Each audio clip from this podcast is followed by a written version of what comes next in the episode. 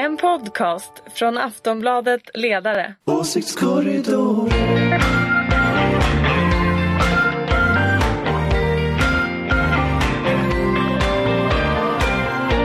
Hej och välkomna till Åsiktskorridoren.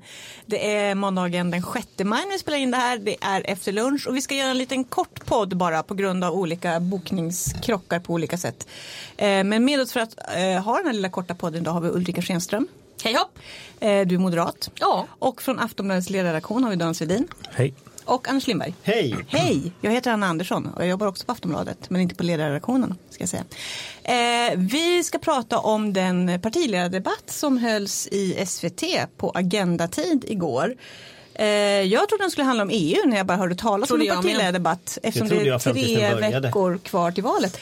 Ja, jag blev väldigt paff. Men det var det gamla vanliga om lag och brott eh, och rättvisa och migration och skatt och eh, Ja, de nämnde energi. EU. Ja, det kom lite på slutet. Eh, vad tyckte ni rent generellt? Var det en bra debatt? Ja, alltså jag, jag, alla säger att den är så dålig. Jag tyckte att det var ganska, alltså, givet det politiska läget, att det är ganska konstigt. Eh, Agenda släppte en liten film innan om är konstigt menar du? Att folk tycker ja, det är dåligt? att det inte är höger mot vänster. Ja, så det är konstigt. Mm. Eh, Och, och Ja, det det, gör ju också i studion blir det ju roligt med liksom, de står på konstiga sätt och hoppar på varandra på konstiga sätt och sådär. Men givet det så tycker jag ändå att det var ganska informativ debatt. Eh, Det var ganska uppenbart att Ebba Busch var liksom vinnaren eh, i debatten. Eh, Det var också ganska uppenbart att liksom Kristersson inte lyckades bryta hennes magi och ta, ta för sig. Han var inte vinnaren. Han var, jag skulle säga han var nog den stora förloraren. Framförallt för han hamnade i skuggan av henne hela tiden. Men så det var ju ingen som gjorde en riktigt dålig insats i debatten heller. Utan, Okej. Men jag, jag, jag tycker det var ganska, det var, Ulrika? Ja, han hamnade tyvärr lite mycket i Ja, skuggan. Mm. Precis, äh, precis, förlåt. Um, um, ja, sen vet inte jag, ja, jag vet inte om jag håller med Anders om att det, det är en ganska intressant debatt. Jag vet inte, jag tycker nog formatet är ganska tråkigt och jag tror att jag tror att folk som kanske ville titta på den här ändå ville veta lite mer om EU. Jag tror faktiskt det är så här tre veckor före. Eftersom röstkorten har börjat komma ut nu så tror jag folk har börjat förstå att det verkligen är ett val snart. Så att, eh, det hade nog varit smart av SVT att köra lite mer EU-frågor. Men så- 60 procent visste det inte förra veckan att det var ett val. Vad sa du, 60 procent? Ja, visste inte förra veckan att det Nej men då hade det väl EU varit bra var. att public service hade informerat om det. Camilla Kvartoft såg jag twittrade att det kommer en riktig EU-debatt om ett par veckor. Är ju närmare Är det, blir det då med Då blir det partis Precis, eh, då blir det- då blir Vilken, toppkandidat. vilken fest. och, och sen ska man inte glömma det att på onsdag den här veckan så är ju eh, riksdagsdebatten inför EU-valet också. På onsdag. Alltså, nu på onsdag som kommer och, och då har ju alla fått sina röstkort hem. Eh, för de, de, de sista kommer väl nu antagligen måndag, tisdag. Eh, och sen är, sen- sen är ändå den debatten en någon slags start på, på, eh, på den riktiga Och jag, kampanjen. jag vill också säga nu, vi ska sluta prata om en debatt som inte var igår, nämligen att det handlar om EU. Men Aftonbladet ska ju faktiskt ha en stor EU-debatt också nu. Pinsamt nog kommer jag inte ihåg datumet, men det är inte kanske ens om de har 20 maj. Ja, Jo, det kan vara så att det, inte, att det är hemligt datum. jaha förlåt, glöm vad jag sa. Klipp. ja, i alla fall, i alla fall, vi går vidare. Vi har inte sagt sagt datumet så det är lugnt. Mycket Eh, det var många som påpekade, det här var liksom första, val, eller första debatten efter då den här januariöverenskommelsen med det nya landskap som vi har som väljare att orientera oss i. Och det var ju också då som du nämnde Anders att de stod ju på ett nytt sätt utan det var ju MP och S i regeringen samt stödpartierna L och C på ena sidan och så på andra så stod då Vänstern, Moderaterna, Kristdemokraterna och Sverigedemokraterna. Eh, Jonas Sjöstedt i mitten av rummet och bara var så ja, han stod mitt i rummet. Fändade av alla. Så, du är dum, du är dum och du är dummast. Det blev lite sådär som Men hur pastorn mitt kändes i. det? Om jag får ta en sån liten eh, känslofråga. Alltså, hajar man till när man såg det eller? Jag tyckte det kändes lite som att Sjöstedt försökte ta rollen som vågmästare på riktigt. Alltså Ja. den där platsen har ju Jimmy Åkesson haft under ganska lång tid. Och vara den här äh, pastorn mitt Ja, i byn. och nu fick ju som Jonas Sjöstedt stå där liksom och päsa i, i mitten. Och, och det, det trycker ju också på sätt och vis ihop liksom KD, SD och M på ett sätt som de inte vill. Det trycker också ihop Annie Lööf och Jan Björklund med eh, med eh, Löfven på ett sätt han inte vill. Så det, liksom, det märks att folk inte riktigt vill stå Men sen har vi ju diskuterat den här placeringsdiskussionen ganska länge så att jag, jag för de som inte har varit med i den här eh, lilla placeringsdiskussionsbubblan var det säkert en helt stor nyhet. Eh, För mig var det inte så. Du- jag tog, du tog det med ro. ro. Jag, min, jag minns en tid då Socialdemokraterna vägrade vara med i en debatt för att de var tvungna att stå bredvid Jimmy Åkesson. Det måste ha varit 2012 när eh, Håkan Juholt var Ja, eh, det stat- minns jag. statsministerkandidat. Då var det ett jäkla hallå om vem som skulle stå Det var ett, ett sånt moment igår var ju för övrigt när eh, Åkesson och Sjöstedt skakade hand på, eh, det handlade om värnskatten. Alltså det är lite nya tider ändå, det hade de inte gjort. Ja men precis som eh, inte helt osmart av Jan Björklund och eh, Jimmie Åkesson att eh, debattera mot varandra och visa på polarisering. Det tyckte jag var Att liksom ta polarisering och göra den till sin. Ja, Men, men det är ju, det är ju en Jag jättekonstig... är mest mot Jimmie Åkesson. Men det, det var ju en jättekonstig strategi tycker jag ändå från, från Liberalerna för nu kommer ju Jimmy Åkesson att bli centrum i valdebatten. Och Men är det inte bara så att de ligger väldigt långt ner Jo, nej, men det- och, och måste göra någonting Jo. och då gjorde de den här eh, gamla klassikern som Birgitta Olsson gjorde. Birgitta Olsson mot eh, Gudrun Schyman. Nu åker vi runt i landet och eh, debatterar. Man kan, man kan tycka att ja, det finns lite skillnader i Ja, det, det kan jag helt det och hållet hålla med om. Liberalerna har gjort det här en gång förut för att det, eh, Leijonborg debatterade ju mot Pia Kjaersgaard i- från Dansk Folkeparti Mm. Så om vi går det. tillbaka 2002. Precis. Eh, och, och det var ju upptakten Och det var till då Leijonborg blev. Lejonkungen. Det var ju upptakten till det valet med språktestet och Testet, allting. exakt. Så, att, så att om jag gissar så är Jan Björklund sneglar Det lite var på faktiskt då historien. som- förutom att Björklund ska avgå om Ja han men ska- han ska försöker väl ska väl få riksdagen. finnas kvar.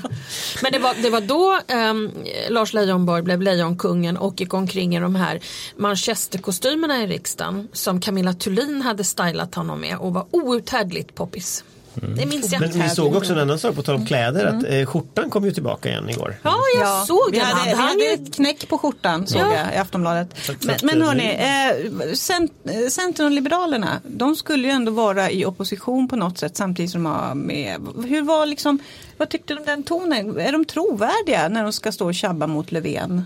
Jag, jag, jag, tyckte ju, jag tyckte ju igår att det fanns, alltså jag tyckte ju att tonläget var lite för högt för konfliktnivån om man säger så. Alltså man försöker säga tonläge, man försöker säga att det finns mer konflikter än det gör. Men i Men stor- inom uppgörelsepartierna tänker ja, du eller? ja, dels mellan uppgörelsepartierna men sen är det ju så att Moderaterna och Kristdemokraterna är ju för det här med att ta borttagen värnskatt till exempel. Och så, så att, så att, alltså, det, konfliktnivån blir lite av en artificiell konfliktnivå.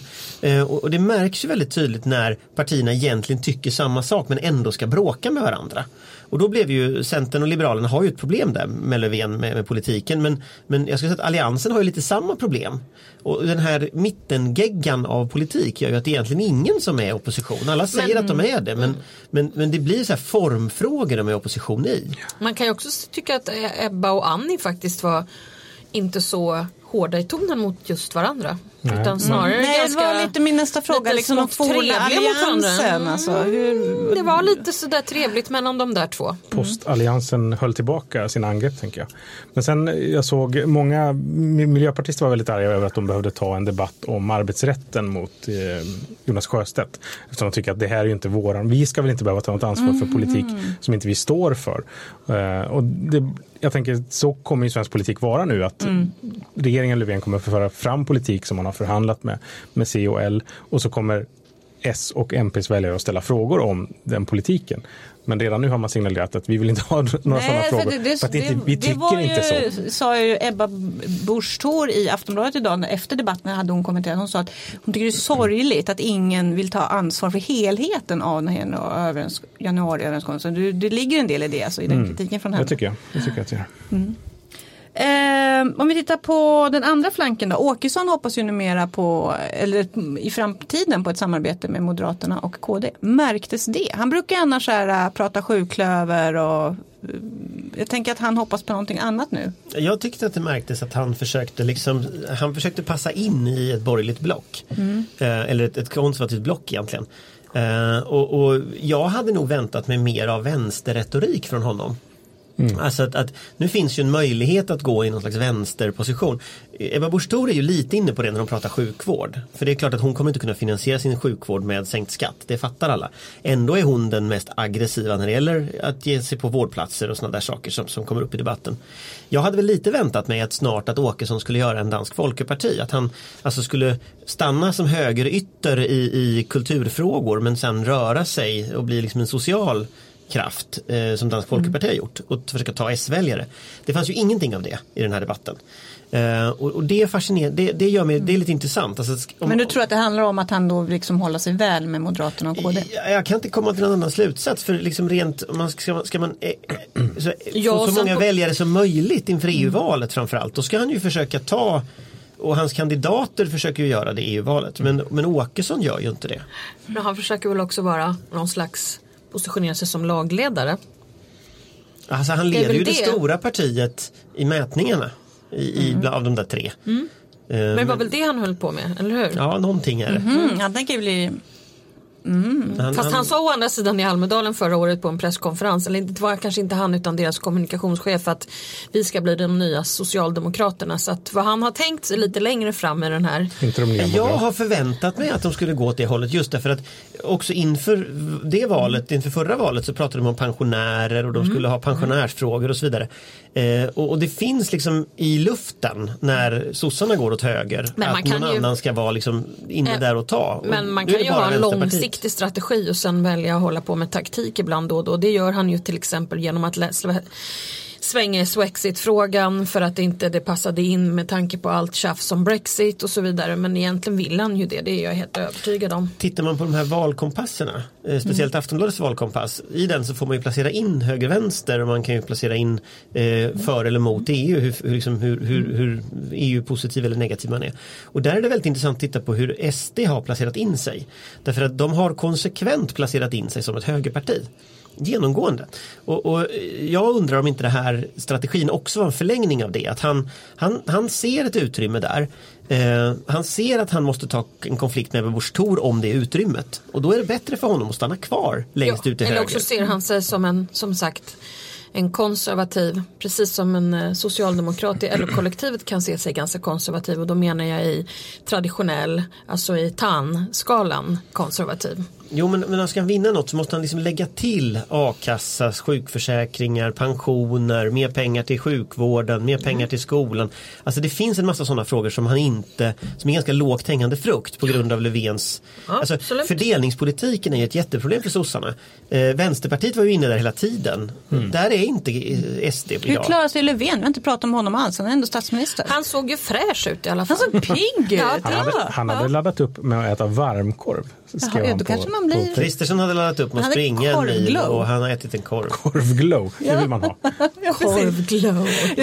Jag tyckte han var mer Varm på hugget i klar. början. Eh, när debatten, längre debatten gick ju mer kändes det som att han, han lite tycker käbbla på ni, jag ska styra ett land. Ja, men lite så var det Sen får man väl också säga så här att de här debatterna, jag vet inte riktigt eh, i slutändan ifall man blir klokare egentligen av de här debatterna. jag Jag riktigt kände ärlig. också att jag blir tveksam till hela formatet. Om jag får ha en hur? åsikt Ja. här. Men, men För att få, få kommer inte fram, alltså det kan vara så att flera i den där debatten var väldigt mycket mer eh, taggade än de kanske kom igenom som. Så att jag vet inte. Men, men jag funderade på en fråga som jag, det, det var kärnkraftsfrågan för den fick ganska stort utrymme eh, och det är också en helt, en helt vansinnig debatt. Det är ju inte längre liksom miljödebatten det, det är ju så här 1980 års folkomröstning som kommer i repris.